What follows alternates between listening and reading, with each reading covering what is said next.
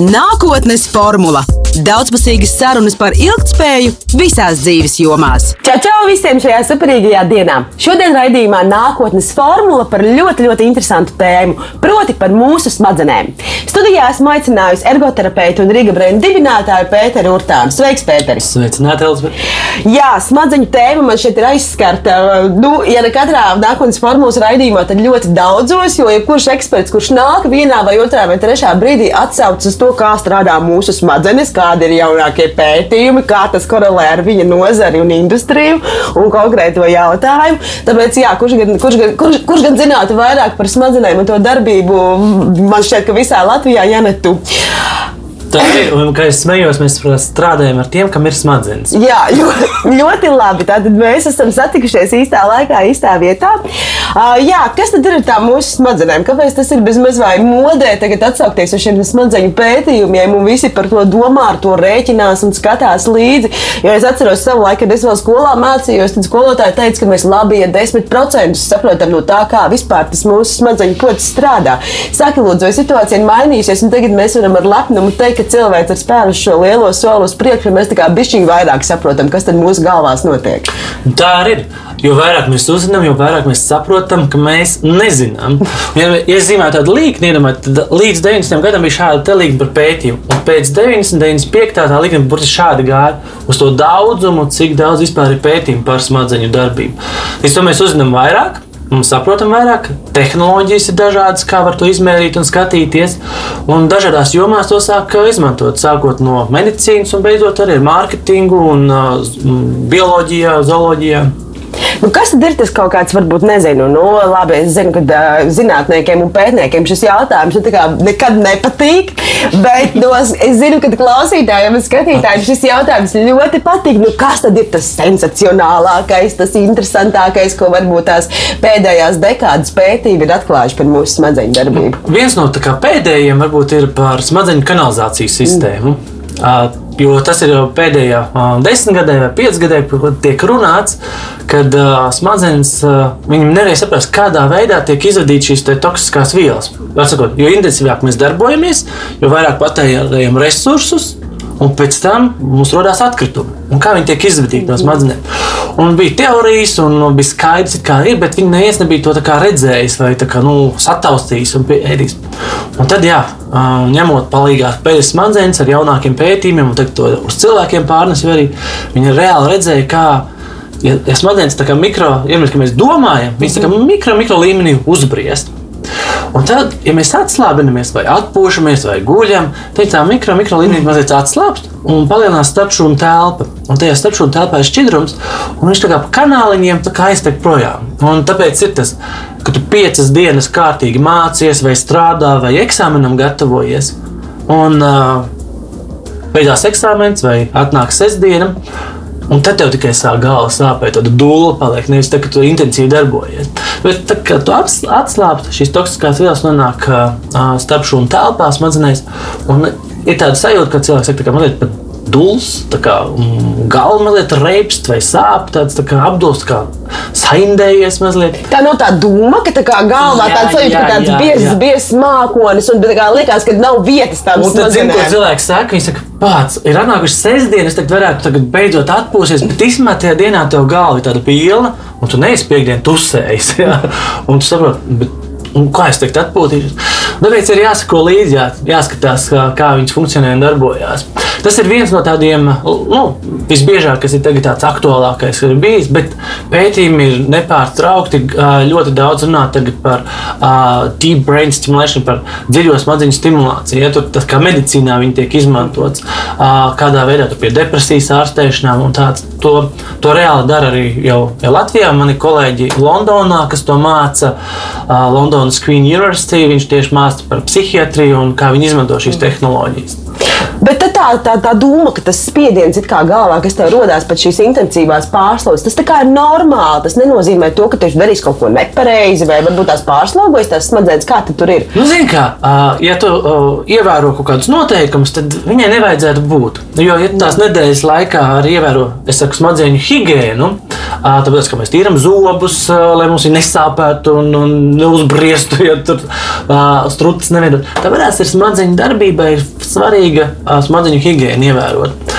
Un, um, Un, un tur ir, ir, man ir, piemēram, Rīga Brīsīs. Mēs esam pētījuši 13 gadus, ar 7000 cilvēkiem strādājot. Skatāmies, kas ir tas, ko cilvēki dara, ko cilvēki nedara un ko cilvēki aizmirst darīt. Ja?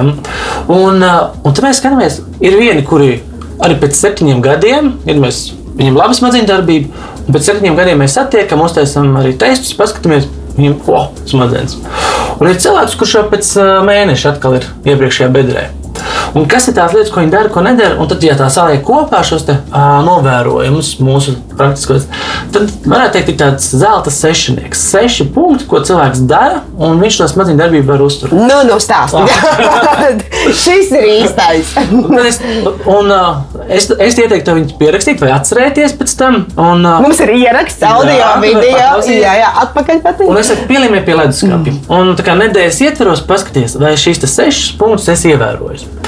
Pirmais ir aizmirst par labu smadzeņu darbību, um, ja tev ir slikts miegs. Miega tēma ir milzīga, kas kur kā tas atsevišķi, pilnīgi, bet uh, pavisam īsi tev viegli tu vari aizmigt. 10, 15 minūšu laikā. Uh, naktī, ja tu pamosties, nu, tur kaķis, bērns, uh, vīrs uh, vai kāds cits pamodina, tu pēc tam arī ātri aizmies 5 minūšu laikā. Un svarīgs faktors ir no rīta. Kad tu celies, tu jūties enerģijas pilns uzreiz, un tu uzreiz vari darboties. Un tas ir viens no tādiem svarīgākiem kritērijiem, kā mēs vispār varam novērtēt savu smadzeņu darbību. Kā tu pamosties no rīta? Un te nav svarīgs pat stundu, cik ilgi tu gulēji. Jo vienam tur 8, vienam 7, bet ir 6 stundas cilvēkam. Pilnīgi pietiek. Um, mazāk bērni, vairāk stundas, un vecumā mēs kļūstam mazāk mums vajag gulēt. Bet rādītājs ir, kā tu no rīta pamosties. Mm. Ja no rīta pamosties enerģijas pilns, hops. Mēs esam veikuši, piemēram, anketēšanu uzņēmumos, kur ir 50, 100 cilvēki. Un, uh, mēs redzam, ka uh, 80% no, vai pat 90% rītu iesāktā uh, ar, ar piepūli. Ja viņam uztrenē smadzenes, tādā pozitīvā ziņā, uh, un uzlabojās miega kvalitāte, viens numur viens viņa saka, es no rīta ceļos enerģiskāks. Man uzreiz jau hops, ir enerģija. Nu, kā tām pucēm un cirviem? Ir jau cilvēki, kas saka, ka es no rīta vienmēr jūtos slikti, un man ir vakara cilvēks, un vakarā man parādās enerģija. Jā, tur ir, zin, kā ar tām smadzenēm. To, ko tu viņām dažreiz pastāsti, viņas tam notic. Un, jo, jo ir cilvēks, kuram tu vairāk uzticies, vai avots, kam tu uzticies, jo vairāk tam notic, un tu tiešām tu ietekmējies no tām. Un par tām pucēm un cirviem ir ir daudz pētījumu. Arī viens no pēdējiem, kad, kad vajadzētu vispār skolai sākties 11. un kur tur 8. vispār vēl nav pamodušās smadzenes. Bet atkal otrs skatās, nu, tie, kas ir ļoti veiksmīgi un tālāk, viņi ceļās 5 no rīta. Un, Jā, un mēs sakām, es esmu pūce vai es esmu cīrulis. Diezgan bieži mēs esam paši sev ieskaidrojuši to. Un es esmu novērojis arī cilvēkiem strādājot. Tas, kas saka, ir pūce, viņš beigās saka, ah, nē, es tomēr varu būt cīrulis. Lai pirms tam teica, nekad, nekad, nekad. un tad mēs sakām, es esmu pūce un, un, un man tā patīk. Un, un es vairs nemeklēju nekādus risinājumus vai uh, kā to darboties. Bet es varu pateikt vienu. Uh, Ir ritmi, kā, kas notiek mūsu smadzenēs, mūsu ķermenī, un uh, ir notiek šī arī, kas notiek miega laikā. Un no rīta, kad mēs mostamies, nu, pirms pat mošanās, mūsu ķermenī uh, ir daudz vairāk šis kortizols, tieši tas stresa hormons. Mm. Kāpēc no rīta? Nu, kā vajadzētu, ka vakarā, kad esam sastarojušies, mēs, kāpēc no rīta, kad mēs tā ceļamies, ir kā gulējuši? Tāpēc, lai mēs pamostos, lai mēs varētu aktīvi sākt darboties. Un uh, viņš ir tāpēc paaugstināts uh, uh, tieši asinīs, ja tā ir tests. Un, ja mēs no rīta pieceļamies un pieceļamies agrāk, tad tas laiks pat ir izreikināts. Tur, tur 5 līdz 7 tajā laika posmā.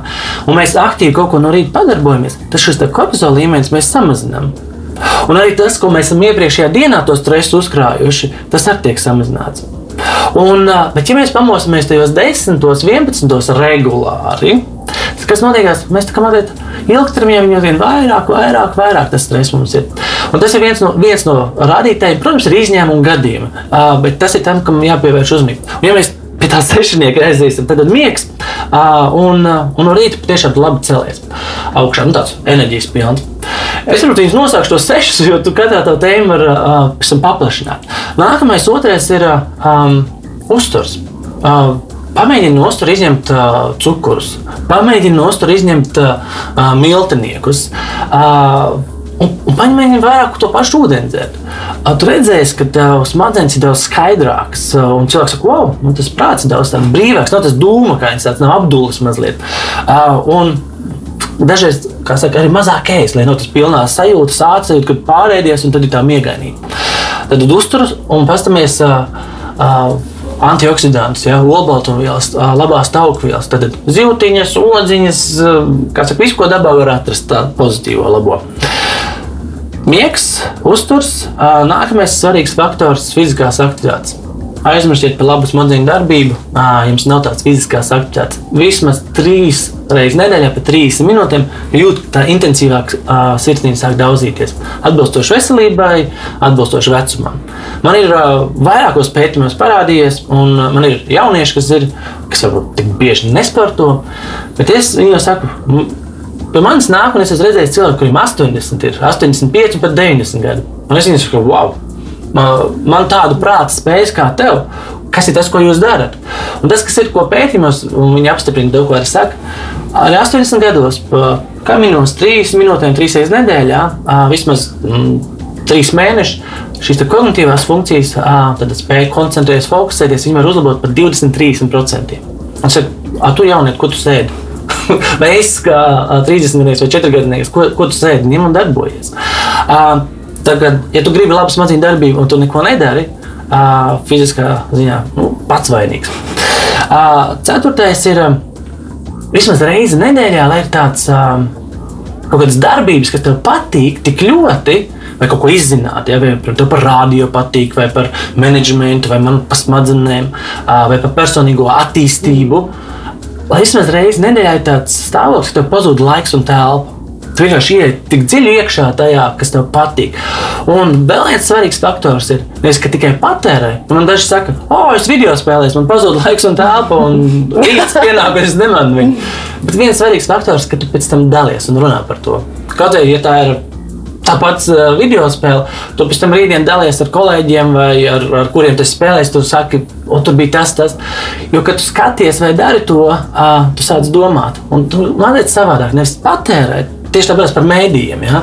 Nevis patērē viņus, bet izmanto viņus. Un tā, tā ir tā gudrība. Mm. Uh, Latvijas universitātē pirms vairākiem gadiem, kaut kādiem 15 gadiem, bija no Vācijas atbraukuši speciālisti, kas bija Vācijā monitorējuši uh, televīziju. Viņi redzēja, cik daudz, piemēram, tur slepkavības tur nacionālajā tur, uh, televīzijā. Viņi saka, tur, Vidēji dienā 50, 60 cilvēku nogalina televīzijā. Mm -hmm. Nu, filmās un tā. Un, un tas, kā tas ietekmē smadzeņu darbību, ja iedomājamies, ir tāds smukls tīklojums, tīkls, kur iemet visas mazākās zīlītes var noķert. Ja tos mēdījus patērē neprofesionāli, vienkārši sēž un tā. Tā, tā ir tev iekšā viss. Tad tas tīkls izplēst tiem lieliem caurumiem. Ir. Un, un tas ir tavs tīklājums, ko tu, infrastruktūra, ko tu vari izmantot. Tāpēc uh, darām kaut ko, kas ārkārtīgi patīk, bet pieslēdzam ar šo apziņu. Patīk par dārzkopību, um, pētam, patīk par uh, landscaping, nu, tur ainavu.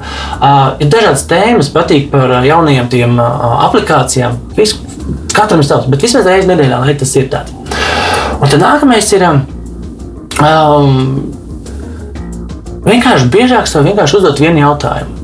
Tā kā apstāties tā, kā es tieši šobrīd jūtos? Kā jūtas manas kājas, kā jūtas manas labās kājas, potīt. Viņš saka, ugh, par mani nekad nav domājis. Bet dažreiz viņi saka, domā tikai tad, kad mums viņas sāp vai, uh, vai esam atcituši kaut kur. Bet pievērst uzmanību, lai nav kaut kur vakardienā, lai nav kaut kur nākotnē, lai mēs esam šeit un tagad.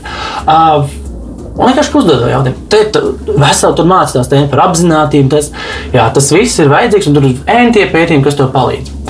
Un tad sestais punkts Viņš ir visforšākais. No visiem punktiem daudziem viņš patīk. Bet dažreiz pat grūti ir to realizēt. Vismaz reizē nedēļā tikties ar cilvēkiem, Bet tas ir svarīgi dzīvē. Jā. Tu nedari Skype un telefonu, un šis laiks dažreiz to apgrūtina. Bet tikties cilvēkiem, kuriem tu gribi līdzināties. Mm -hmm.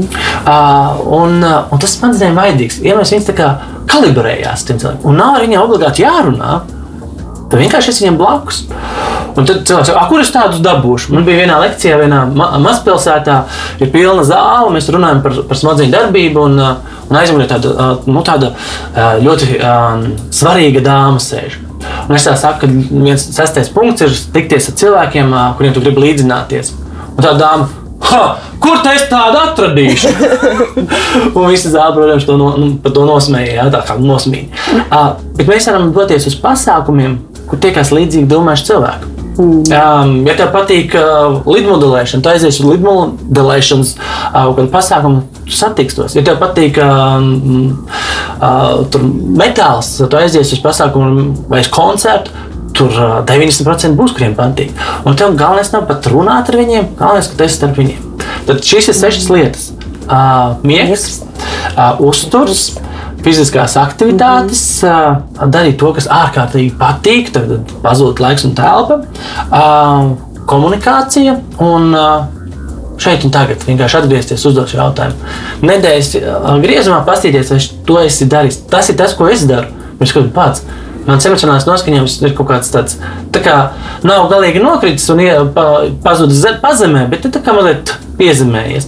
Un, vai es jūtu, ka koncentrēties, vai ko produktivitāte zudis, pasūtu. Mm -hmm. Pēdēr, kas sešniekam notiek? Es izpildīju tikai divus punktus. Ja? Labi pagulējis un labi pēdējis. Viss pārējos. Tas ir no svara, un tas parāda, ko es gribu pateikt. Sekojot līdz cilvēkiem, arī cik es dabūju tādu labu smadzeņu darbību, ja, tad viņi patiešām var pat septiņus gadus noturēt viņu līmenī tikai šīm lietām. Jā, bet kā ar to, jā, ar to, ar to darīšanu, kas man patīk? Nu, kā, vai, nu, līdzīgi kā ar miegu, tam ir kaut kāds stundu limits vai dienu limits, vai katram tas ir ļoti, ļoti individuāli. Jo dažkārt ir tā, ka, ja tev ir bijis ļoti, ļoti mm. intensīva slodze, tu pirmā dienā vispār nemaz nevari atslēgties. Tu vēl tikai vispār uh, kaut ko saproti, un es esmu pamanījis, ka pēc ļoti intensīviem tādiem maratoniem, nu, piemēram, tu tur trīs mēnešus kaut kāds ļoti mm. spēcīgs projekts vai vēl kaut kas, tu labi, ja trešajā dienā sāc atpūsties, līdzīgi kā ar ceļošanu. Arī parasti trešā, ceturtā dienā ir tas lūzums punkts, tu tā, huh, tā iejūties tajā mhm. visā procesā. Vai tā ir arī ikdienā, vai, mums, vai, vai šis, šie laiki varēja? Tas, kas ir. Um... Lai mēs darbotos, mums jābūt produktīviem, un lai atpūstos, mums arī jābūt produktīviem. Un, uh, tas, ko es vienmēr saku, produktivitāte sākās iepriekšējās dienas vakarā. Un, ja tev nākamā dienā ir atpūta, nu, tā sestdiena, tad ļoti svarīgi ir tas, ka nevis tu ej tagad vakarā gulēt, un rītdien skatīšos, kā būs. Jo kas notiekās, ja tu neieplāno to rītdienu, kā, ka, ka tev būs atpūtas diena? Tad tu pamosties, tad tev tas, tas, tas, un tu izsmēji to dienu, tā kā izniegt, tas ir sadrumstalot. Tu viņu, viņu patiešām nobumbulē, bet tu vari viņu nobumbulēt arī mērķiecīgi. Ja iepriekšējā dienā, un es, es viņu saucu tā, lai labāk var atcerēties, uh, slimās vecās govs diena. Un tad, kāpēc slimu vecs govs? Tāpēc, ka slimu vecs govs ir ļoti forša govs, un viņi vienkārši guļ un, un bauda laiski. Bet tev iepriekšējā dienā ir tā, ka tu sagādā visu, kas tev patīk. Ēst. Ja tev patīk saldumi, paņem tos saldumus. Visu jau nopērts. Ja tev patīk kaut kādas filmas vai kas tur jau paskaties, ko tu varētu skatīties. Ja tev patīk kaut kāds žurnāls, šķirstīt, nopērts žurnāls, Tu jau sagatavoji. Tu sagatavo arī mājiniekus, ja, ja tev ir kādu, kādu kopā. Protams, visam ideāli, ja tu mājinieki dodas projām un tu paliec savā mājās, vai tu dodies kaut kur citur, kur mājinieki tev nav. Un no rīta, kad tu pamosties, mm, tu atver acis, tev ir slimās. Vecās govs diena. Un ko tas nozīmē? Tas nozīmē, ka tajā dienā tu nedrīkst neko darīt. Tu nedrīkst pat krūzīt nomazgāt. Tu vienkārši laiski tur gultu neskatā. Vēl daudz, daudz saprot, kā pidžama diena. Bet tad, mm. kas ir svarīgi? No pamošanās līdz aizmigšanai tev viņa jānovada. Tu nedrīkst tev pārmest, ārprāts, ārprāts izniekoja dienas, taču vajadzētu man te mm, grāmatu sakot, man vajadzētu pamanīt. Nē, līdz pat vakaram, līdz pat miegam, līdz nākamās, nākamās dienas pamošanās. Un, um, Un vēl viens svarīgs vakars. Tu nedrīkst arī iet kaut kur ārā vai kaut kur. Ja tev ir māja un ir pagalms, tu vari iziet savā pagalmā. Mm. Bet tu nedrīkst iet kaut kur uz veikalu kur. Nē, nē, nē. Tu esi slims cilvēks, tev jāpaliek mājās. Un, ja mājinieki ir, tad ļoti forši, ka viņi respektē, ka tajā dienā viņi netraucē māmu vai, vai tēti vai, vai to cilvēku. Viņš vienkārši. Un um, ideāli, ja tas ir reizi mēnesī, var šādu te. Smadzeņu tādu veselībai tā skatoties, reizes trijos mēnešos pat tāda diena arī ir ok. Bet tas nozīmē, to, ka es tā dzirdu, ka tā ir principā tāda individuāla pieredze, ka tā ir tiešām tāda viena diena, kā reizi mēnesī vai kaut vai reizi trīs mēnešus, Jā. kas tiešām ir tikai tev. Tas neietver draugus, ballītes, tusiņus, komunikāciju. Jā, jā, jā jo, tev, jo otrs cilvēks ir labākais trenižers uh, tavām smadzenēm. Mm. Pat to cilvēku, kuru tu zini un pazīsti, uh, smadzenes laiku nolasa tavu mīmiku, mikromīmiku, kā tu noreaģē. Mm. Viņš uzreiz saprot, ah, viss ir labi, mēs runājam. runājam. Un, un viņš visu laiku strādā, un tas ir viņām darbs, tāpēc tas otrs cilvēks ir vajadzīgs. Bet uh, vēl bija tas jautājums par to, to ilgumu, ja, cik tā ilgi piemēram to pozitīvo lietu, kas tev ārkārtīgi patīk darboties. Um, tas, ko rāda arī prakse, uh, pietiek pat ar vienu stundu, ja viņi mētiecīgi ir saplānoti to izdarīt. Uh, Viena vai līdz divas stundas. Un tāpēc ir reize, piemēram, nedēļā, kad tev ir ieplānota tā viena stunda, kad dari, kas tev ārkārtīgi patīk. Uh, man, piemēram, patīk, jā, man patīk par smadzenēm tur pētīt kaut kādas analīzes, par, piemēram, skatīties smadzeņu darbību un, um, un kā, kā vispār imunitāte tur strādā un darbojas. Un tu saliec daudzākus pētījumus kopā un tev saslēdzās tā bilde, es tur varu, wow, pazust man tas laiks. Lieta man patīk doties uh, pārgājienos, kur tev iezīmēta vega ar jūru, kur, kur tev nav jādomā, kur iet, kur neiet. Vai vienkārši un, un baudi to procesu. Bet kas ir vēl svarīgi tām smadzenēm? Nevis tas, ka tu, oh, es tagad darīšu, viņām svarīgi, lai tu jau viņu būtu ieplānojis. Šodien, piemēram, ir mums uh, nedēļas sākums. Un te jau tu zini, ka tev piekdienā, mm. vai tajā svētdienā, vai, vai sestdienā tev ir ieplānots tas laiks. Un, kā saka, pa ceļojumiem. Visvairāk cilvēku izsmalcināja, vai smadzenes gūst no tā, ka tu esi saplānojis to ceļojumu. Nevis pašā ceļojumā, dažreiz ceļojumā jā, ir emocijas, bet tu arī nogurst no tā ceļojuma. Bet tā, tā, ka tu plāno vai zini, ka tev viņš tur būs, tas ir tas, kas dod viņam to mieru. Ah, es to darīšu. Bet uh, interesanti ir tas, ka bieži vien, jā, jā, kā jūs minējāt, mēs dažkārt sakām, ka mēs esam uh, paņēmuši atvaļinājumu, un tad pēc tā atvaļinājuma ir jāņem vēl viens, lai atpūstos no atvaļinājuma. Un tad ir tas otrs paradoks, ka nav spēka atpūsties. Man, piemēram, ir bijusi tāda sajūta, ka tev ir, nu, ka tev liekas, jā, ka tev ir tā atpūtas diena, bet tev ir tik ļoti tas tik Jā. baterijas zemes, ka tev vienkārši nav spēki. tā Kā, un tad es domāju, pagaidi, bet īstenībā atpūtā it kā vajadzētu radīt to pretējo efektu, bet īstenībā laikam viņi pat patērē to manu enerģiju. Man vajag šo fizisko spēku lai, lai, un to plānošanu, ko tu Jā. saki, lai reāli atpūstos. Tas, tas ir ļoti svarīgs. Ir šie ritmiskums, jā, arī pat nedēļas vai mēneša, un dažreiz pat no tādā gada griezumā. Mm. Jo, ja mēs esam sprintā, tad principā mums, mēs nevaram noskriet maratonu visu laiku sprintā. Ja mēs, mm. mēs gribam lielāku sasniegumu, piemēram, noskriet tos 42 km, tad uh, tas ir maratons. Mēs sadalām to spēku. Sprints nav, ir 100 metru sprints, ā, 200 metru. Tur tu izliec visus. Un dažreiz mēs esam kā sprinteri, un tad mēs noskriežam to 100. Mēs domājam, hu, man nav spēka, es to 40 nevaru noskriet. Um, tāpēc ir svarīgi šīs mazās atpūtas. Ir perfekts stāsts iz dzīves. Um, Austrālija. Uh, sabrauc visi pasaules slavenākie uh, skrejēji, gargabalnieki. Un, uh, Ar, ar firmām un tērpiem, un tur botas par 1000 eiro, un viss, viss nobļembots. Un visi nāk tik pieredzējās, un, un atnāk arī viens uh, fermeris gumijniekos. Viņš arī grib pieredzēties tajās skriešanas sacensībās. Tur viņam jāskrien entās dienas, kaut kādas, cik tur tās, uh, vai trīs vai piecas dienas jāskrien entie kilometri. Un Viņi saka, jūs ko? Nu, Reglaments saka, jā, var jebkurš piedalīties. Un viņi arī pie, pieraksta. Protams, uh, reportieri iefilmē, un tad tas reku te būs, tad mēs jau varēsim par salīdzinājumu to visu pāri. Viņš izceļās tas cilvēks. Rezultātā cilvēks uzvarēja. Visu to daudzo dienu maratonu. Uh, pirmajā dienā viņš, protams, bija pats, pats pēdējais. Uh, kad viņi tur daži tur nakšņo un tā līdzīgi. Bet uh, tas, ko viņš darīja, viņš izvēlējās ir uh, aitu gans. Un viņš saka, ka es skraidu tos milzīgos attālumus, tās aitām pakaļ. Un, nu, Un es esmu pieredzējis. Tas, tas, viņa tā atslēga ir, uh, viņš ļoti maz tāds atpūtiņš, hops, un dodas tālāk, hops, maz, maz atpūtiņš. Tas sadalījums, viņš, tas ir tas viņa ideālais, kā viņš to spēj to enerģiju mm. izlaikt garā, garā maratonā. Un tas pats mums arī ikdienā uh, neizdedzināt uzreiz visas baterijas, bet uh, sadalīt. Un paskatieties, jo arī miega cikli, piemēram, doties vienā laikā gulēt, kāpēc tas ir svarīgi? Uh, jo, ja mēs katru vakaru dodamies citā laikā, un citā laikā ceļamies, ir šis cirkādas ritms, ja kā viņš mums tā kā notiekās. Ja mēs vienā laikā guļam, tas smadzenes pielāgojas. Viņš zina, ka tikko viņš spēj piecelties, un viņš jau šos ritmus sadala. Un mēs pamostāmies, tā, ka mums ir enerģija. Nu, tur, tas, lai, lai tajā ieietu, uh, daži, dažiem nedēļas, dažiem divas, dažiem trīs nedēļas vajadzīgi. Daži trīs dienās to var sasniegt. Bet šis ritmiskums, mums dod, ka mēs esam izgulējušies, mums ir atjaunojies ķermenis. Mēs varam virzīties atkal tālāk. Kāpēc arī maziem bērniem ārkārtīgi svarīgs ir šis ritms? Ja vecāki dzīvo haotiski, un arī bērnam ir haotisks, jūs redzat, viņam emocijas arī iet uz augšu, uz leju, un viņš izpēta pa naktīm var bļaut un kliegt. Līdz ko tu uzliec pat mazam zīdainim, pat uh, pāris mēnešu vecam ir ritms, uh, divas, trīs dienas būs jāpamocās, varbūt, bet ritms, viņš zina, ka dēļ, kad kas notiekās, mm. viņam ir enerģija, viņš arī guļ pēkšņi skatīt, wow, bērns man visas septiņas stundas nogulēja bez piecelšanās.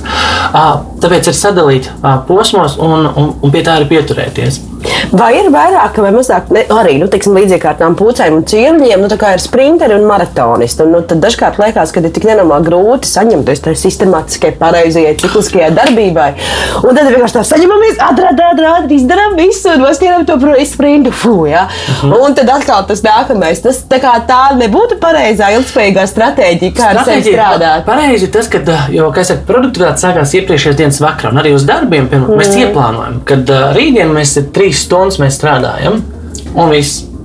Ja mēs pasakām, ka nu, rītdien mums jāizdara tik un tik darba, un īstenībā mēs to dienu sākam tur bumblēt, jo dažreiz, kad tu tā paskaties, tajās trīs stundās, tu vari izdarīt to pašu, ko piecās vai sešās stundās. Ja, ja tu tā mērķies, jo tu zini, ka tev nebūs šis te laiks. Nu, esam izgatavojušies eksāmeniem, vai, vai kolekvijiem, vai kontroldarbiem. Ja? Um, Jā, ja mēs esam mācījušies mm. parādīt pamazām, mazām, man patīk, ka nu, mēs to sadalām, atkārtojam. Bet diezgan bieži mēs to pēdējā vakarā arī mēģinām. Un, un mēs varam diezgan daudz tajā periodā iemācīties. Un tas, kas ir tām smadzenēm, arī jā, viņām.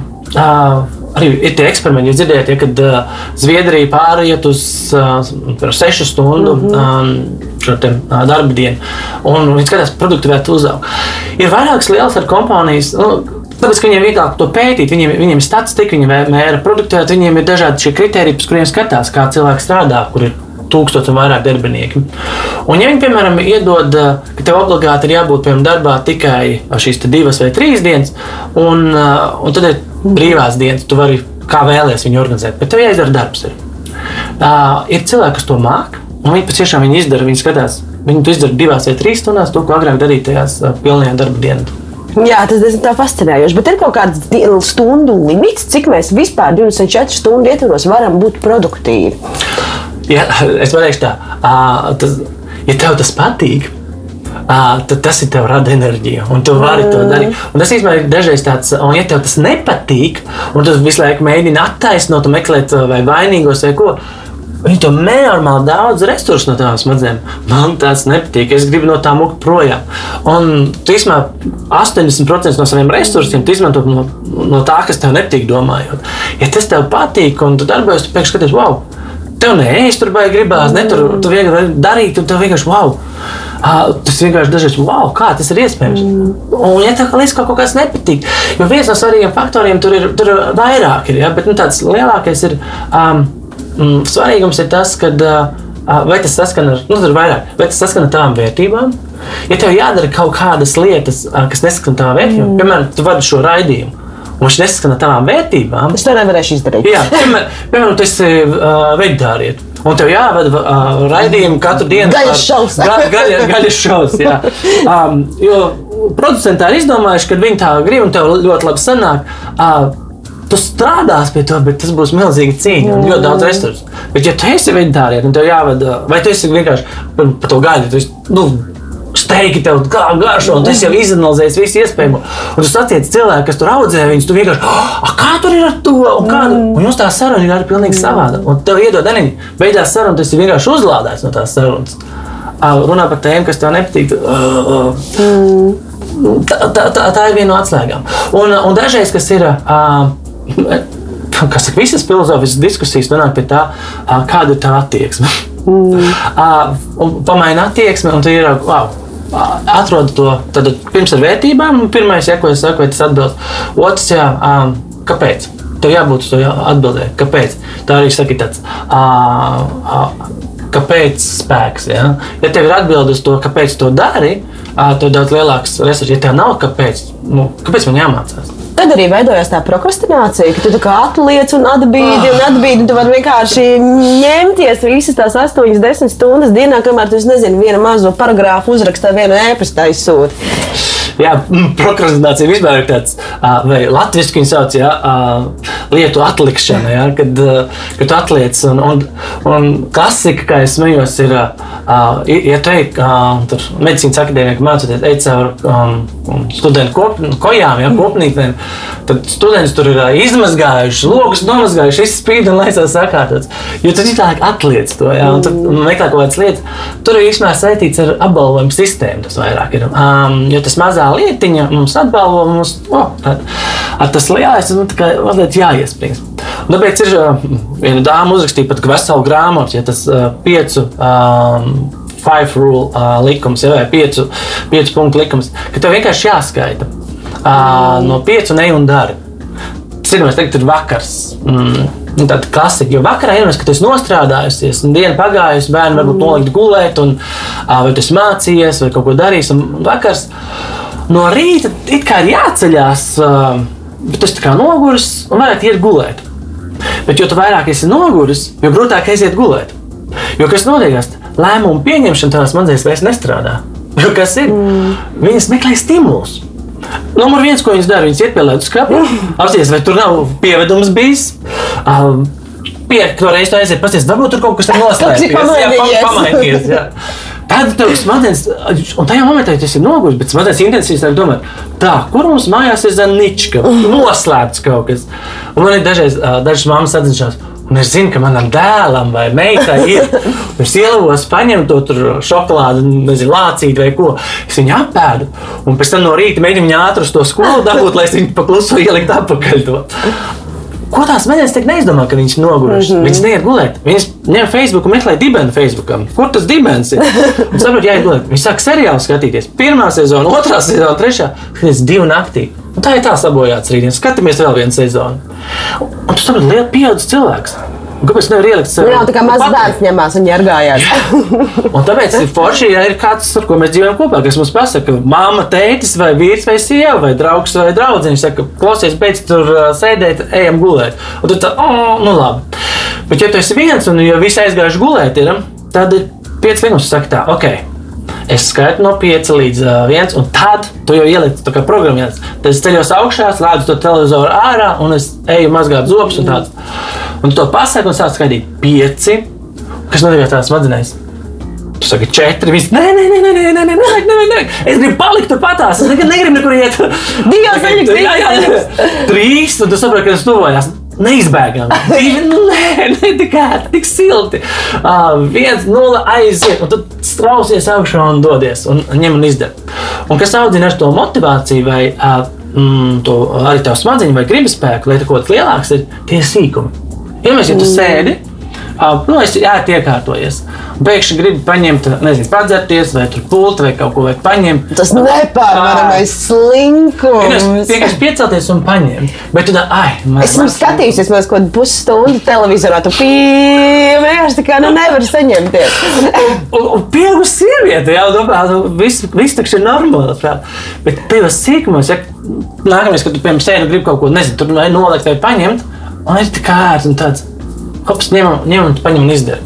Jo tas ir tas, kā tu trenē to. Mm. Vēl viens piemēram, tu ej pa, uh, pa ielu un ir tik daudz uz katru stūri. Tie mazie veikaliņi, tagad visi lielie veikali arī kļūst maziņi. Ja tev tuvāk, tuvāk tavām mājām, gris blakus durvīm, tu vari vaļā un mazīts veikaliņš. Tu, ai, man tur gribās marcipānu, vai tur šokolādi, vai tur burkānu gribās, nu kaut ko. Un tas tāds mazais impulsiņš, a tu paņēmi, saka, ah, nē. Es būšu gudrāk un stiprāk, un es būšu tas, kas nosaka, nevis tu man te noteiksi. Un saka, stop, nē. Tas ir tas, kā mēs audzinām. Un, uh, un neatļaujam, kā saka, kāpt mums uz galvas. Bet kā tad vien, nu, vienlaicīgi sanāk tā, ka smadzenes nosaka mūsu darbību, tā pašā laikā mēs it kā ar to savu apziņu. Arī tas smadzenes, kā, kā, kā, kā, kādās attiecībās veidojas, kurš tad kuru beigās ir miljons kontrolē? eiro jautājums, ko bieži uzdodu un prasu, es prasu tā, kā tev šķiet? Kas nosaka to tavs ikdienas gaitu? Tu vai tavs smadzenes? Un jautājums, kas pirmais rodās tajā Jā. galvā. Jā. Un cilvēks saka, nē, nu, man gribētos, ka es to nosaku. Bet, ja mēs tā paskatāmies, tās izvēles, ko tu izdari, un tā pētīt, un tāds ir statistiski salikt, tad pasaka, ka īstenībā tās smadzenes ir tās, kas diezgan vada tevi un virza. Un tāpēc, jo vairāk tu apzinājies vai piefiksē, tāpēc dažādās arī, um, ja tu gribi kaut kādas izmaiņas veikt, Uh, uztais to kopējo bildi, paskaties. Mm. Uh, paņem uh, pāris dienas un, un piemēram, sadali to laiku, piefiksē kaut vai pa, ik pēc 15 minūtēm, ko tu darīsi tajās 15 minūtēs. Un tu gribi būt produktīvs, bet arī īstenībā tu pasties trīs dienu tajā uh, gaitā, vai 5 vai nedēļu tas uztaisīts, īstenībā tur, tad tu esi tur uh, skatījusies, uh, kas kāda e-pasta ienākuši, tu neesi pat atbildējis, vienkārši skatījusies. Ah, ir jauni ienākuši, nu labi, tas, tad es kaut ko vēl tādu, un īstenībā tas pēkšņi ieraugu, ka tas produktivitāte ir ļoti, ļoti maz. Un, un, tas, un šie skaidri fakti dažreiz tie, kas mums izgaismo. Tāpēc ir forši cilvēks no malas, un tas ir forši biežāk sev pateikt. Jo ļoti grūti būt dažreiz mm, atklātam vai patiesam pret sevi. Mm. Jo ko smadzenes dara? Viņam ir tas ir viens no aizsardzības mehānismiem. Viņas mums melo. Viņas attaisno. Jā. To, to, to Facebook skrološanu, to neizslēgt no televizora, mm. to aizmigšanu uz tā dīvāna. Jā, un, un iemest no rīta ir tie, tie gadījumi, kad tur uh, ir. Es esmu darījis jautājums, uh, kāds jums ir bijis rekords, cik, cik reizes jūs esat atlikuši modinātāji, ja, un cik ilgs jums laiks ir bijis. Un cilvēks saka, es no, no pieciem rītām līdz, līdz desmitiem esmu visu laiku atlicis. Un, izmēr, Ko? Viņš saka, nu, jā, un es pats saprotu, ka tajā momentā tā nav, nav tā spēka. Tāpēc mm. produkts vēl sākās iepriekšējās dienas vakarā, un tu uzreiz jau pasaki. Un tagad ir šis ritms, tu pēkšņi skaties, ah, tu acis jau pašas atverās pulkstenis uh, 5.30 vai 6. un tev jau ir tā enerģija. Un, un, un daudz cilvēku to arī saka, ka var, var. Ko var uztrenēt? Kā ar to otru galību? Nu, teiksim, cilvēkiem, kuriem dzīvē ir palēmējies, un kas ļoti, ļoti daudz dara to, kas viņiem patīk. Un, principā, tad sanāk tā, ka tu non-stopā strādā, tāpēc, ka tu visu laiku esi tajā procesā, tu esi kā tajā ieinteresēts, un tev tas patīk, vai tas ir ilgspējīgi, vai tā var nodzīvot visu dzīvi, vai tomēr arī tad, ja tā ir mana vis, vis, vis mīļākā lieta pasaulē, un tas tik un tā ir mans darbs, ar ko es pelnu naudu, arī no tā vajag atpūsties. Divas lietas. Um, kā profesionāls, arī kā ergoterapeits, ja, tā, tur arī ir zināms, kas pēta vispār nodarbes un kā tās ietekmē cilvēku. Ko cilvēks dara vai nedara un kā tas veido. Un ir um, šo nodarbju, um, lai viņas būtu balansā. Un gan produktivitāte, gan atpūta, gan uh, pašaprūpe, gan uh, te, ak, nu, izklaides, ja, kas mm -hmm. ir. Un viņam ir jābūt balansam. Tas, nu, tas ir tas, kas mēs varam būt veselīgi, dzīvot un pilnībā. Bet otra lieta ir. Uh, gudri cilvēki izmanto tādus, ko tikko pieminēju, un viņi gūst peļņu no viņiem. Mm. Un ir kāds cits, kas parūpējās, bet īstenībā tu nedzīvo savu dzīvi. Ir, ir fantastisks teiciens, ja, um, ja tev nav pašam šie mērķi salikt, uz ko tu gribi iet vai ko tu gribi sasniegt, tad būs vienmēr kāds, uh, kas uh, tev samaksās, lai realizētu savu mērķi. Un, principā, mm. mēs esam uh, kā, kā instruments vai kāda sastāvdaļa, kāda cita mērķa uh, realizēšanai. Es to dažreiz varu pateikt vēl. Um, Skaļāk, vai mazliet rupjāk, jo dažiem vajag mazliet skaļāk to pateikt, lai, lai, lai arī pēkšņi tu kļūsti par sabiedrības prostitūtu. Mm. Jo, ko tas nozīmē? Tas nozīmē, ka tu, uh, ja tev nav šīs te pašam tā skaidrība, tu neesi nodefinējis, kas ir tavs vērtības, um, uz ko tu virzies. Kāds cits uzliks tās savas vērtības, sabiedrība uzliek tās vērtības, un īstenībā tu virzies viņu. Un tad ir tas, ka mēs pēkšņi atjēdzamies pie šīs sasistās uh, silas, ja, kad mm. it kā tikko ēdām, un pēkšņi skaties, īstenībā viņi ir. Un kamēr neliek kāds iekšā ēdienu, cits. Tikmēr mēs redzam, ka viss ir forši, un pēkšņi, ja neliek, tad mēs saprotam, ka A, a kā mums pašiem to izdarīt? Tas sanāk, ka tā kā parasti saka, darba devējs izspiež tevi kā citronu, un tad, kad tu vairs nespēji tam, tam, tam turēt līdzi, tad, kā saka, lūdzu, nākamais. Tas, kas ir, paskatāmies no darba devēja skatu punktu. Viņam. Um, Tā, ir tas, es esmu dzirdējis, tāds, jā, ka darba devējs tur izspiež un tam līdzīgi. Tāds, tas darba devējs ar ilgspējīgu domāšanu. Tā, ir, jā, es esmu dzirdējis, ka darba devējs saka, ka jūs varat iet manī nākamais, kas tāds būs. Bet viņš neaprēķina to, cik daudz viņam izmaksā un ilgtermiņā. Tie, kas pēc tam jau strādā, ja viņi tā īsā sprinta skrējienā, jā, viņi tur varbūt to var sabojāt gan reputāciju, gan vispārējo. Mm. Bet ilgtermiņā, ja ir līdzīgs spēlētājs vēl tirgū, kur viņi dosies. Un viņam būs daudz sarežģītāk, viņi būs atrast to. Jo to, ko tas dažreiz piešmucēs, ja, to atgūt ir daudz, daudz grūtāk. Un nav Un, piemēram, darba devējs ir skatoties, kā darba ņēmējs, pirms pasties arī uz darba devēju, kas ir tas, ko viņš, kas viņš, ko viņš vēlētos. Ja, tā no, ja no tādas smadzenes skatu punkta, viņš, viņš vēlās, lai darbs tiktu izdarīts. Viņš vēlās, lai, lai, lai tu nevis sūdzies par to, kas ir slikti, bet arī iesaisties un darbojies. Tas ir tas, kādā um, kādam būtu jābūt tam, kurš domā mm. ilgspējīgi. Jā, mēs dzirdam, um, ka ne, mans darba devējs par to nedomā, viņš par to nav vispār pievērsis uzmanību. Jā, tā, tā, tas, tas arī ir fakts. Uh, jautājums ir, uh, un tas līdzīgi, ja nu mēs par uh, sievu, kur ir uh, ar vīru, kurš ir vardarbīgs, viņi dzīvo vairākus gadus. Un, uh, un viņi saka, es, es Es, uh, viņai pēc kāpēc tur dzīvo. Mm. Viņai ir daudz dažādu iemeslu, ar kuriem es iešu. Viņš man finansiāli nodrošina, un daudz citas. Vai, bet ir speciāli, kas palīdz to risināt, vai vienkārši neļaut sev kāpt uz galvas. Un, varbūt, un, un dažreiz ir tā, ka patiešām var palīdzēt, lai, lai viņš, kāpēc tā vardarbība, lai to samazinātu. Ja? Jo es strādāju arī agrāk centrā pret vardarbību dārdedzi ja, ar bērniem, pusauģiem. Un to, to stāstus, ja, tas ir prātam vai smadzenēm neaturam, kas notiekās. Un tas pats ir ar to, ka, ja tu esi darba ņēmējs, ja tu ļauj, lai tev dara pāri, tad arī mm, tev ir jārunā vai jāpastāsta, kas ir tas, ko tu vari mainīt vai skatīties. Tas pats kā, kā sabiedrībā, ja tu esi sabiedrībā kā cilvēks un tu ļauj, lai tev dara pāri. Mm. Tad sabiedrība no tā neiegūs kopstis, jo viņa Tā, un ir šī, protams, ir šīs sazināšanās teorijas, ja, kad, jo, jo, jo vadāmāks būs, jo vairāk mēs varam aizvest. Nē, man piemēram daudz labāk patīk, kad mēs visi piemēram, izmetam atkritumus atkritumos. Nu, Spānijā nevis mēs nododam uz ielas un tikai reizi dienā nāk un satīra. Man patīk iet pa tīrām ielām. Un viens no maniem personīgiem mērķiem ir dzīvot sabiedrībā, kur visiem ir optimāla smadzeņu darbība. Mm. Un, uh, Un jo vairāk man tādu cilvēku apkārt ir, jo, jo es jūtos fantastiskāk. Un, un man sarunāties patīkamāk, iekāpjot sabiedriskajā transportā, aiziet uz teātru, kur tas ir tas, kur mums pašiem ir un kur mēs sākam kā viens. Un, un tas, ko, ko ar pieminēju, nevainot citus, jo līdz ko tu sāc vainot citus tavās problēmās, ko tu, ko tu uzdod smadzenēm, kādu uzdevumu tu lietas. Viņam neļauj meklēt to vāju, vai kāpēc viņš nemeklē mm. risinājumus. Viņš uzreiz tur jā, jā. tas ir vainīgs. Man ir skaidrs. Valsts vainīga, māja nav tāda, sieva, vecāki. Un zini, kas ir uh, top? Tas ir lielākais, kur ja ne, nav kam nogrūst. Gēni. ja gēni, un ja man būtu Einsteina gēni, tad es gan tur sasniegtu. Tā ir atruna. Un mm. atrunas ir, viņam ļoti īsts skaits, viņš nekur nevar aiziet pēc tam. Bet kā ir ar to smadzeņu veiktspēju pēc būtības? Nu, viņa ir atšķirīga cilvēkiem. Nu, kur tad mums dzimst tie Einsteini un tie ģēni, un kur tad dzimst tie cilvēki, kas pat svešvalodu nevar apgūt kaut kādu objektīvu iemeslu dēļ? Jo ir cilvēki, kas tiešām nevar kaut ko iemācīties. Tā smadzeņu kapacitāte ir atšķirīga cilvēkam uz cilvēku, vai ne? Um. Smadzeņu tas potenciāls katram ir unikāls un viņš ir ārkārtīgi unikāls. Un, uh, no, sākšu no tā, piemēram, psihiatrijā strādājot. Ja mums ir tādi tā kā, dažādas krūzes, vāzes, šī tāda, ja, tad ir taisnāka, četrstūraina, un ir dažādi tilpumi viņām. Un dzīves laikā mums notiek dažādas uh, peripētīs, un visu laiku iekrīt tāds netīrāks ūdens.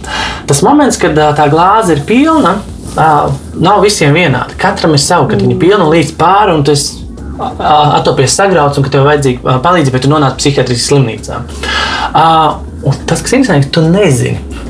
Protams, nezinu, cik tev ir liela, cik tev vēl ir palicis. Jo dažreiz, un tas ir tas, ko anamnēs ievāto, tad strādājot pacientiem, dažreiz tas gan izvēr bijis tāds, nevis tur tas kaut kāds liels notikums bijis, bet, nu, kaķis nevietā pārskries, un tu pēkšņi hops, un tev viss sabrucis. Tas ir bijis ilgtermiņā. Un paskatīsimies uz tādu smadzeņu potenciālu um, tas variants, ka mēs piedzimstam, jā, mums ir šis te, ko mēs mantojam, tāds. Bet ir uz, uh, kā jau saku, Dievs ir radījis tās manas tik unikālas, uh, viņš jau paredzējis. Kad viņas attīstās līdz 5 gadu vecumam, tad vienkārši gaismas ātrumā veidojās. Un tas, kas notiekās, ir šīs emocionāla piesaiste. Piemēram, no 3 līdz 3,5 gadu vecumam, ir tikai pusgadu vecums. Jo tam bērnam ir šī emocionāla piesaiste pie viena no vecākiem, jau tādā teica, no pieaugušais. Ja? Ideāls variants, protams, māma. Un, ja viņam ir šī piesaiste bijusi ļoti pozitīva, veselas teorijas, ar psiholoģiju un pedagoģiju runā, kas ir interesanti, pētījums to nu, apkopot vairāk tie pētījumi. Mm. Tur kon konkrēts procents, pat atceros, 77% precizitāti var noteikt, kā viņam veiksies akadēmiskajā dzīvē. No tā, kāda viņam bijusi šī piesaiste. Un neskatoties uz to, kādā viņš ir bijis uh, vidē vai sabiedrībā, no kurienes viņš ir nācis. Un mēs zinām, un arī smadzeņu pētījumos saka, uh, tāds pie, vienkārši sakot, tev dzīvē dažreiz ir vajadzīgs tikai viens cilvēks. Nevis dažreiz, bet vispār. Tev vajadzīgs tikai viens cilvēks, kurš tev notic. Tikai viens. Un tu viņu apgriez otrādi. Tu vari būt viens cilvēks, tu vari būt daudziem, tu vari būt tas vienīgais cilvēks, kas palīdz, kad notic. Un ir vairāki pedagogi, un tev vēl būt tev dzīvē kāds pedagogs, kas ir, vai kāds, nevienmēr tas ir vecāks, tas kāds cits cilvēks no malas, kurš tev pateicis, jā, es tev ticu, tu varēsi. Un, un tu pēkšņi, wow! Un tu nesaproti, ka tas ir tas viens. Vai tavs klients kāds pateicis, ā, es esmu saticis pie klientu, kurš saka, tas viens teikums, ko toreiz pateicis pirms uh, astoņiem gadiem, Visu dzīvi man, dzīvi. Es teiktu, tas es apprecējos, un es to, to, to. Un tu esi dzīvojis uz astoņiem gadiem, vispār neesi dzirdējis to, ja? un tu pat nevari iedomāties. Mm. Un, uh, līdz ar to tas potenciāls cilvēkiem ir milzīgs. Uh, un, uh, Un jautājums ir tikai, vai mēs tam noticam, vai mēs spējam viņu pacelt. Un, kad, un mums nav jābūt, un tas, kas ir, mums nav jābūt par nākamo Einsteinu, mums nav jābūt par, par kādu. Jo līdz ko tu sāc salīdzināt sevi ar, ar kādu citu, smadzenes process ā, noveda līdz tam, ā, tas ir pirmais, es teicu, tas ir ļoti taisnīgs ceļš uz depresiju. Mm. Jo tu nekad nevari būt kaut kas cits, un tu nekad nevari būt cits. Jo pat ja tu pienāc ļoti tuvu, viņš vienmēr būs pa kriptiņu tālāk, vai viņš aiziet būs tālāk, vai labāks. Mm. Vai tu, tavs smadzenes attīstīs, reku, ka viņš tomēr bija. Viņam tomēr bija divi brāļi, un man tikai viens brālis. Ja? Un tu, jā, un, un viss. Tu vari tikai salīdzināt sevi ar to, kāds tu vakar. Ja tu gribi būt laba māma, tu salīdzini, kāda tu biji vakar un kāda tu esi šodien. Ja tu gribi būt labs darbinieks, salīdzini sevi vakar un kāds tu esi šodien. Ja tu gribi būt labs vadītājs, līdz kā tu biji vakar, kāds tu esi šodien. Un tu vari pat tā kāpt, nevis lai kāptu uz augšu. Tas ir īstenībā interesanti, ka tā, dažkārt tādi smieklīgi apgalvojumi, ar kuriem mēs tā ciniski skatāmies kaut kādās pozitīvās domāšanas grāmatiņās, pēc būtības korelē ar ļoti zinātnisku pamatojumu, ka šim konceptam īstenībā ir vesela pēctecība, kas varbūt tos materializējās visa tavas dzīves garumā. Jā, tāpēc esat ļoti uzmanīgi, ko tu patērē. Un, un uh, ir, ir dažādi šis te, uh, laiks, ja, kad ir šie influenceri, ja, kad uh, viņam ir tūkstoši miljoni sekotāju. Viņš var pateikt pilnīgi ko muļķību. Viņš zina, ka tā muļķība ir. Un tie, kas klausās vai skatās vai seko, zina, ka tā ir muļķība. Bet Kaut kur tas cik tā savienojas. otra tā ir, viņš, viņš domā, kaut kas tur laikam ir. Noslēdzot mūsu sarunu, mēs šeit varētu runāt ilgi un dikti, bet, diemžēl, raidījumam ir ierobežots, ierobežots garums, un arī klausītājiem ir ierobežots uzmanība mūsu klausīties. Jā, par smadzenēm un to ilgspēju. Es domāju, ka mums visiem gribās, lai mēs tieši tāpat kā mēs šodien šeit un tagad spējam rīkoties, funkcionēt, domāt, darīt arī 50, 60, 70, 80, 90 gadu vecumā.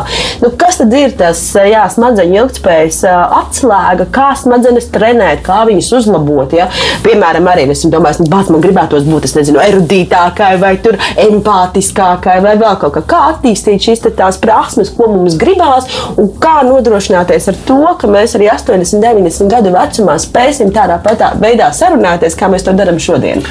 Pirmais ir um, tas uztver vispār par smadzenēm. Ap, jo daudz cilvēku, jo vecāks, jo tur, tur visāds vecuma kaits un līdz to smadzenes sāk strādāt sliktāk. Īsumā pilnbriets, tā kā ka smadzenes ir nobriedušas un sasniegušas to visu, visu, visu. Nav kaut tur 20 gados, 30, viņas ir ap 50 gadiem tikai. Uh, tad, kad tev ir 50 gadi, tad kā viņas apstrādā informāciju, tas ir tāds. Uh, līdz ar to, tu vari tas, kā tev 50 gados, ja tu esi tā, mm, ar sekojusi līdz tādiem, viņi varbūt arī tev 80 un 90 gados. Un ir šie pētījumi par uh, supernovecotiem. Tā arī viņa tāda kā tāds klasifikācija mm -hmm. vai nosaukums uh, supernovecotiem. Viņi pēta, kas ir tas, ko viņi dara un kāds ir tas viņu dzīvesveids. Un, uh, Atbilst šis zelta sešniekam, kas ir, bet ir viens no tādiem svarīgākiem, arī kas pēta ir Okinawas sala, kur ir viena no populācija, kur ir vairākas. Un tur ir kas tiek pētīts un skatīts, ka viņiem ir ļoti cieši šīs sociālās saites, ar, viņi tiekās ar cilvēkiem. Un, uh, un ja mēs paskatāmies kādu, ko, ko, arī ko es zinu, supernovecotāju, kas nāk pie mums, pie mums ir bijuši cilvēki, kuriem 80 gadi, viņš piesakās uz smadzeņu treniņu, saka, o, es te dzirdēju, avīzē lasīju, un, un kad ir uh, tāda smadzeņu treniņu, un uh, es gribu labi dzīvot vēl joprojām. Un, un, Un, un viņš atnāk, un es saprotu, cik viņam gadi. Viņš saka, man ir 87 gadi, un uh, es pats vēl braucu, visu darbojos. Un uh, tas, kas ir viņam. Viņš mindsets vai tā viņa domāšana jau par to, ka viņš neuzliek, ka es esmu vecs, man ir zīmogs. Mm. Lūdzu, aprūpējiet mani. Tas ir visbriesmīgākais. Bet tas, kas viņš iesaistās sociāli, viņš dodas uz pulciņiem. Uh, es, piemēram, atceros, zvanu savai vecumam, man prasa, ah, var pie tevis pievilkt, vai nē, dēliņ, viņai pār 80. Uh, es tagad neesmu mājās, saku, uh, kad tu būsi, vai laikam rītdien būsim. Es kur tu esi? Ah, mēs Lietuvā ekskursijā te braucam pa dārziem, skatāmies, kāda te dārzi ir, un viņai tur klubiņš ir, kurā viņi tur iesaistīs. Viņi tur komunicē, tad tas otrs cilvēks ir svarīgs. Ja? Tas mm. otrs, ka mums ir tajā sabiedrībā, ko mēs komunicējam. Un, piemēram, tā erudīcija un visu to pārējo praktiski darbojoties. Tas ir tas, kas, tas, kas to realizē. Mm. Uh, Visbiežāk es prasīju cilvēkiem, kas ir tās lietas, ko tu dari, ko tu esi novērojis un atzīst, kas tev vislabāk ir palīdzējis smadzenēm. Uh, Protams, viens tāds numurs viens ir lasīt grāmatas, bet lasīt grāmatas tādas, kuras tu nesaproti. Tas ir tas, kas tev patiešām to prātu paplaš. Ja tu neesi medicīnas saistīts, palielinās kādas medicīnas grāmatas. Ja tu esi, neesi saistīts ar fiziku, palielinās kādas fizikas grāmatas. Pat ja tu nesaproti, dažreiz izlasi vienu teikumu. Un... Šis ir super interesanti. Es atceros, ka es biju diezgan jauna un lasīju kaut kādu nenormāli, nenormāli sarežģītas uh, filozofiskas grāmatas, par ko man nebija ne vispār ne mazākā nojausma, kas tur ir rakstīts. Un, bet es vienkārši gāju cauri un mēģināju kaut kādā veidā savilkt to bildi kopā. Bieži vien nonākot pie secinājuma, ka es neko nesapratu, bet tik un tā es pāris grāmatas šitā izzaurēju cauri absolūti neizprotamu iemeslu dēļ. Mm -hmm. Kaut kādā burtiski 12, 13 gadu vecumā. Mm -hmm. Un, un, un tā, to daudz stāsta, un kas, tas tiešām mm. paplašina tās uh, smadzeņu iespējas vai potenciāli. Viņam saskrīt nianses lietas, jo viņš ir kas tāds ir, kas tāds ir. Bet ir vēl viens tāds labs uh, vingrojums, kas saliek diezgan daudz ko kopā. Ir, jo pasies arī šobrīd, ko mēs darām kā mēs izmantojam savus smadzenes. Mēs runājam, un valodas aparāts, ka mēs runājam ļoti daudz. Ja mēs pieslēdzam sev mm. dažādiem šiem mērķiem, mēs redzam, ka viņš uzplaiksnī uh, asins pieplūdes vienā zonā, otrā zonā un um, elektromagnētiskā aktivitāte. Runāšana vai saruna, tas ir tas, kas uh, veids verbalizāciju. Tāpēc ir ļoti svarīgi, ka mēs mākam verbalizēt, gan tas, kā mēs jūtamies. Uh, mm. Nepārējām pie tā, ka mēs izlaižam runājam. Un ir viens labs veids, kad um, aizver acis un, uh, un vienkārši skaties, kas tev nāk tavā acu priekšā. Dažreiz no sākuma tev vienkārši tēla kaut kā. Nu, pleķi krāsaini. Un tas uzdevums ir verbalizēt, saki, tas, ko tu redzi. Tagad redzu tur sarkanu pleķi, tādu un tādu. Mēģini detaļas, viņam ir tur tāds niansīgs, mēģini detaļās izstāstīt. Mm -hmm. Un tad tev sāk nākamā vēl kaut kas. Tas, kas ir nepārtraukti, tev jāverbalizē tas, ko tu redzi tajā ekrānā. Forši to dari skaļi, ja nav cita apkārt cilvēka. Mm -hmm. Bet ikdienā to arī var praktizēt, um, ja tu esi kaut kur braucis sabiedriskā transportā un tev neesi par kaut ko atbildīgs, nav jāvēro, aizver acis un, un verbalizē. Tas ir tas, kādā veidā tu mēģini ielikt vārdos. Piemēram, paskatoties gan krāsas, gan nianses, gan, gan formas runāt. Un man ir bijuši praksē. Vairāki gadījumi ar jauniešiem, kuri kā spēli izmantojuši, ka viņi nāk no mhm. skolas mājās, viņi vienkārši mēģina skaitīt, cik daudz četrus stūrus viņi ieraudzīs, vai cik daudz ieraudzīs veču sirsniņus kaut kur, ja mēģina saskatīt. Fokus. Jo mūsu gadsimtā uzvarētāji maratonos un sprintos būs tie, kuriem ir labs fokus, kuriem spēj noturēt fokusu. Tāpēc, ka mm. informācijas ļoti daudz, mēs skatāmies uz mani, skatāmies uz mani. Tu, oh, kas tā, ja vai tu spēj noturēt fokusu, skatīties, ah, tās, ah, ok, man tas neinteresē, ok, man ir tās. Tie, tie ir ieguvēji. Tas ir man, tas, par ko runās ar vien vairāk. Tas ir pat tas, kas būs. Uh, Visticamāk, pēc, vēl pēc pāris gadiem tas būs tas, kas, uh, nevis, uh, kas nevis ko no. Mm, aplikācijas vai uh, online vidē, kas jums spēj noturēt uzmanību, bet tas, kā cilvēks spēj noturēt uh, uzmanību, tas būs ieguvējis. Un kaut kādā ziņā man šķiet, ka vēl tas nākamais līmenis, pirmkārt, safokusēties uz to, kas ir šeit un tagad, un tad ir tas nākamais, savilkt to bildi kopā. Jo tas, ko es bieži vien pamanu komunikācijā ar jauniem, jauniem cilvēkiem, arī pat esmu pasniedzēju un, mm. un mhm. tiekos ar jauniešiem diezgan regulāri savā ikdienas gaitās, uh, fragmentāra uztvere. Uh, ir tur tomēr, es, es to saistu arī ar kaut kādu veidu, kā mēs uztveram un patērējam informāciju, kā informācija ir vispār veidota un pozicionēta sociālajos medijos un tam līdzīgi. Jā, no puzles atsevišķi gabaliņi vis kaut kur mētājās, bet ir ļoti, ļoti grūti un ļoti, ļoti izaicinoši, man liekas, mūsdienu uh, cilvēkiem, tīpaši jauniešiem, savilkt tādu kobildi par to visu. Ir nenormāli izmētāti tie puzlīši. Pat tad, ja tu no vienu gabaliņu saproti, tu nesaproti, kas ir pirms tā gabaliņa, kas ir pēc tā gabaliņa, un nespēj izveidot kaut kādu loģisku cēloņu sakarību vispār virkni. Tā, tā, tā ir ļoti pareizs novērojums, jo kas notiekās? Uh, informācija, atbalvojuma sistēma šeit arī strādā. Tāpēc tā prokrastācija ir vairāk. Pirmie skatās pētījumus uh, pirms uh, 70. gados, tad prokrastācija studentu vidū vispār ļoti niecīga bija. Salīdzinot tagad, tas pieaugums tur pa 80% ir. Ja?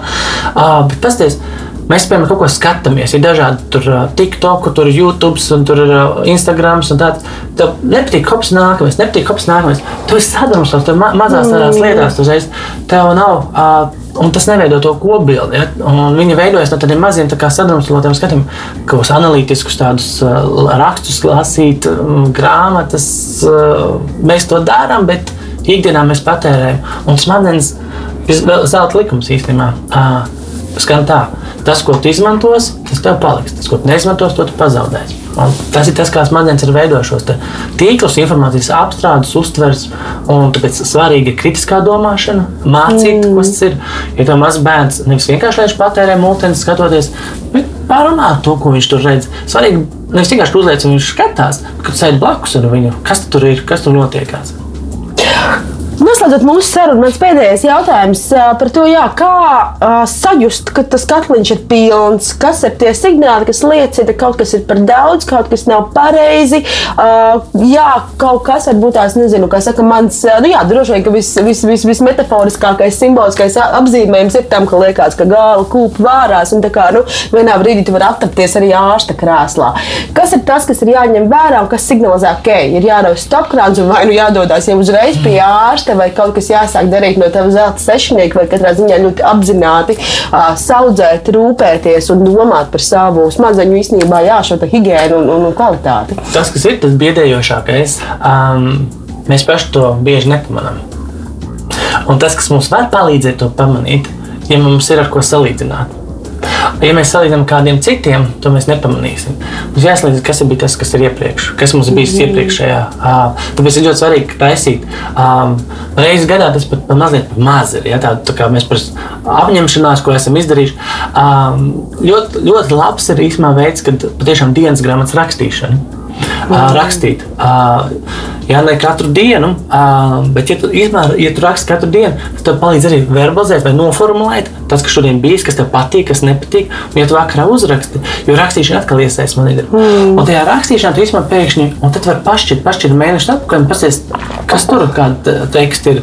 Tu vari lietot arī pat savā burtnīcā, saucamos hashtagus, ja, ar ko.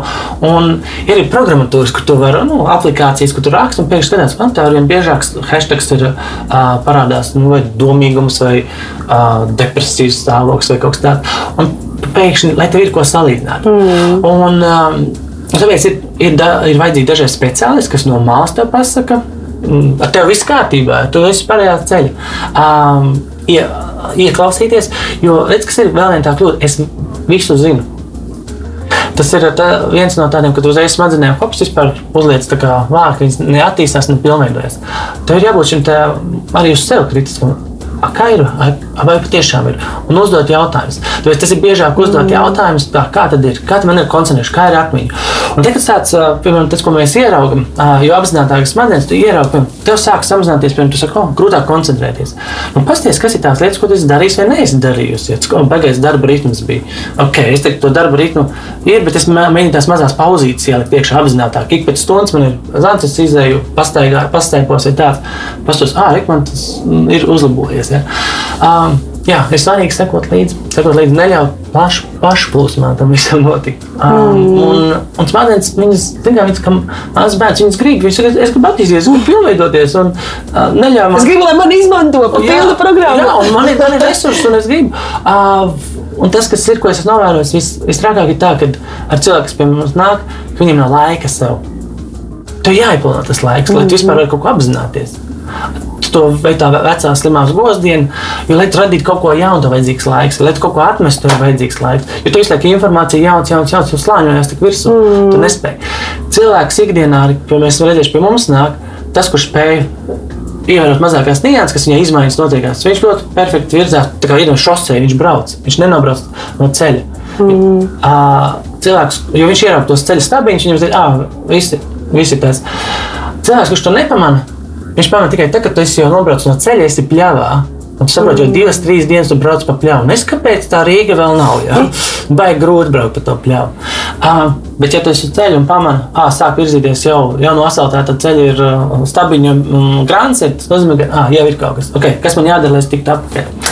Tas ir ļoti tas, liela atbildība vai... pašam uz sevi īstenībā. Jā. Jo, nu, kā saka, gēni un valdība noteikti nav vainīgi pie tā, ka tu nonāc tajā, tajā sarkanajā zonā, kur, un kur tu esi pļavas vidū ceļā uz Rīgu. Un ir vienalga, cik tu vecs esi. Um, ja tev liekas, tev tagad 18, tu saki, vai es esmu pa jaunu, uh, atrunu, met projām. Tas ir tas īstais laiks, kad to darīt. Tu domā, oi, man tagad ir 60. Um, par vēlu, par vēlu. Tas ir īstais laiks, lai to darītu. Tagad.